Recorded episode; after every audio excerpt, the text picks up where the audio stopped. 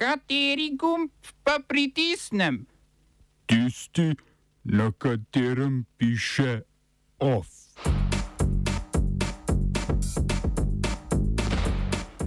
Rusija zahteva umik NATO-vih sil iz države, ki pred letom 1997 niso bile članice.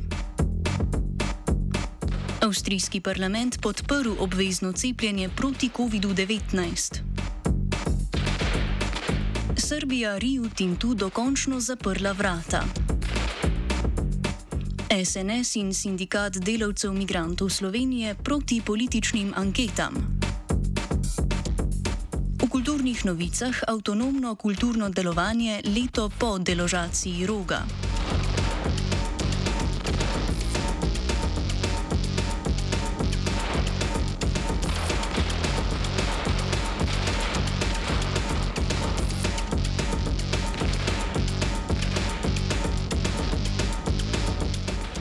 Rusija zahteva umik tujih vojaških sil, orožja in opreme iz držav, ki pred letom 1997 niso bile članice Zveze NATO.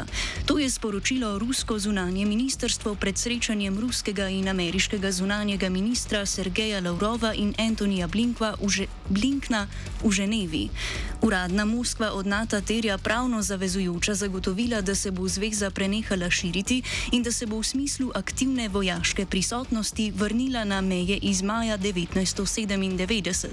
Takrat sta Rusija in Zveza NATO podpisali ustavno listino o odnosih, sodelovanju in varnosti, s katero sta potrdili, da se ne obravnavata kot nasprotnici in opredelili mehanizem medsebojnega sodelovanja. Po letu 1997 so se NATO v petih sklopih pridružile Mačarska, Poljska, Češka, Bolgarija, Latvija, Litva, Romunija, Slovaška, Slovenija, Estonija, Albanija, Hrvaška, Črna Gora in Makedonija. V Romuniji na rotacijski bazi nastanjenih približno 1000 ameriških, 140 italijanskih in nekaj deset polskih vojakov, Bolgarija pa ima v Združenimi, Združenimi državami Amerike sklenjen dogovor o nastanitvi do 5000 vojakov.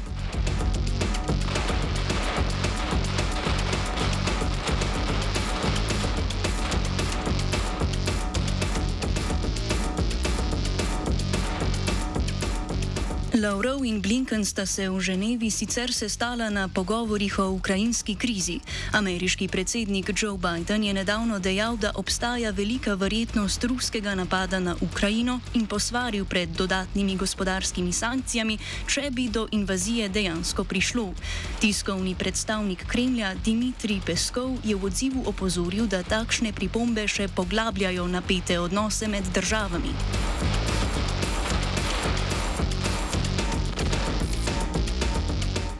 Beloruski predsednik Aleksandr Lukašenko je določil datum za izvedbo referenduma o ustavnih spremembah. Ta se bo zgodil 27. februarja. Lukašenko se je k izvedbi referenduma obvezal po nasilno zatrtih vsedržavnih protestih, ki so potekali po predsedniških volitvah avgusta 2020.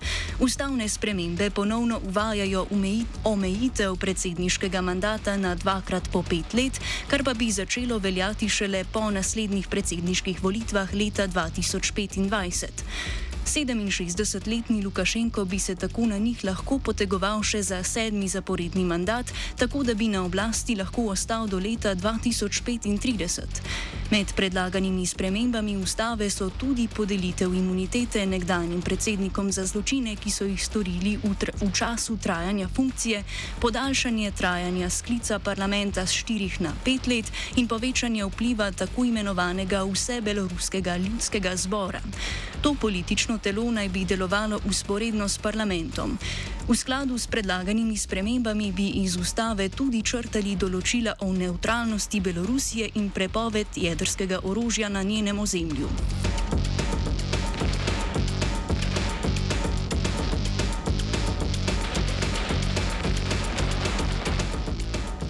Luksemburški državni toživci so medtem uložili obtožnico proti štirim beloruskim državnim uradnikom zaradi preusmeritve Ryanairovega poleta 4978 med Atenami in Vilno na letališče v Minsku, kjer so 23. maja lani tamkajšnje oblasti aretirale beloruskega opozicijskega aktivista Romana Protasjeviča in njegovo dekle Sofijo Sapego.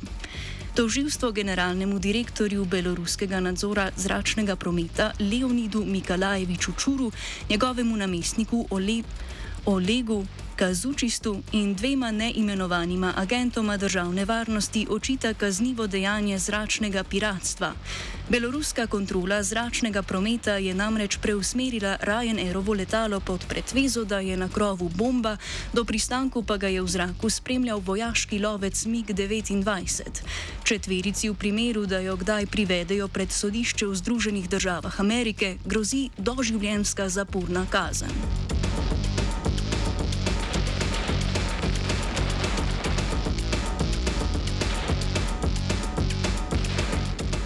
Avstrijski parlament je podprl obvezno cepljenje proti COVID-19. Avstrija bo tako prva evropska država, ki bo sprejela takšen ukrep v boji proti pandemiji nove koronavirusne bolezni. Za zakon, ki obvezno cepljenje uvaja za vse starejše od 18 let, ki imajo stalno ali začasno prebivališče v Avstriji, je glasovalo 137 poslancev, proti jih je bilo, bilo 33.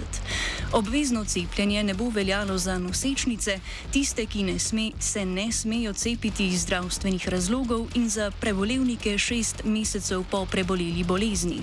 Zakon mora potrditi še Avstrijski zvezdni senat, ki bo to predvidoma storil na zasedanju 3. februarja, na to pa ga mora podpisati predsednik Aleksandr van der Belen. Do sredine marca bo veljalo prehodno obdobje, po njegovem izteku pa bodo necepljeni kaznovani z globo do 3600 evrov. V Avstriji je sicer proti COVID-19 polno cepljenih 72 odstotkov prebivalcev.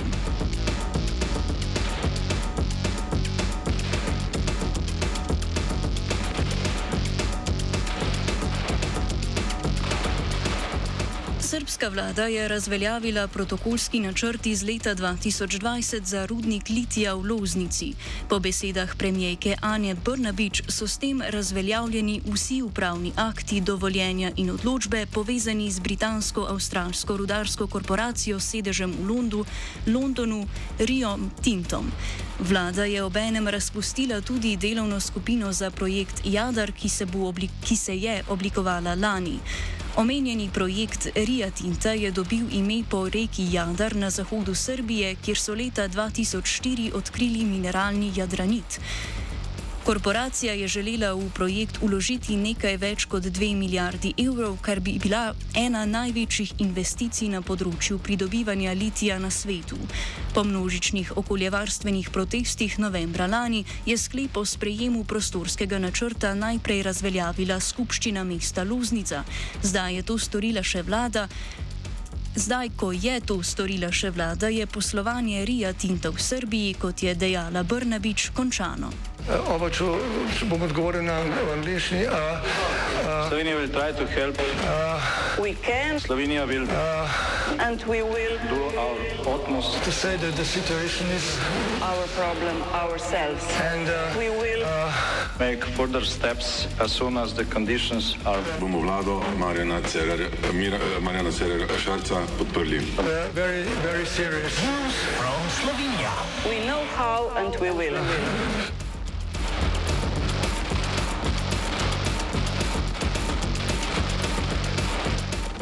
Slovenska nacionalna stranka je v parlamentarni postopek uložila predlog zakona o prepovedi objavljanja javnomenskih raziskav o podpori politikom in političnim strankam.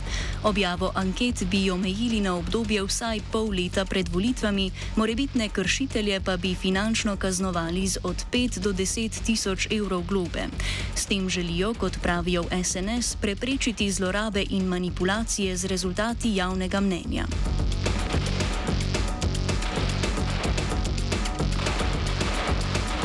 Podpise podpore voljivcev za vsebinsko podoben zakonodajni predlog je ta teden sicer začel zbirati tudi sindikat delavcev migrantov Slovenije. V sindikatu se zauzemajo, da bi se objava javnomnenskih raziskav o podpori politikom in političnim strankam prepovedala v celoti.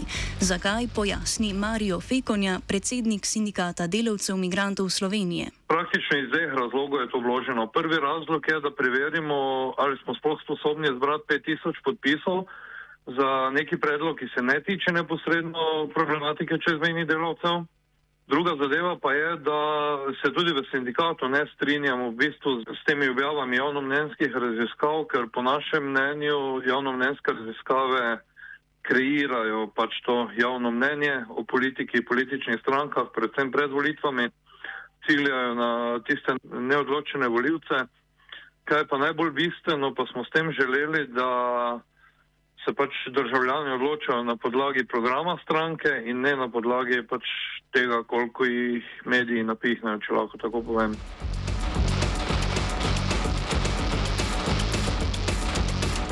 Na vprašanje, ali se mu ne zdi prepoved političnih anket nekoliko skrajen predlog, Fekonja odgovarja. Ja, res je malo rigorozen, saj pavadi mi, ko dajemo kakšne predloge, enako je bilo z našim predlogom zakona o dohodnini, postavimo nekako najbolj striktne kriterije oziroma najbolj tiste mejne kriterije, no, najbolj ostre, če lahko tako povem, potem se to tekom razprave lahko manjmira.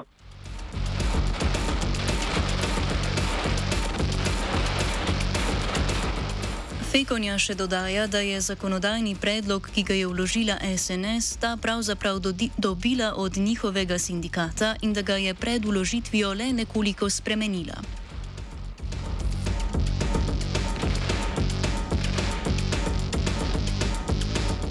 Of je pripravil Fabian. To, kar se je zgodilo zdaj, je v bistvu nož v hrbet slovenski državi. Nož v hrbet in pa plunek.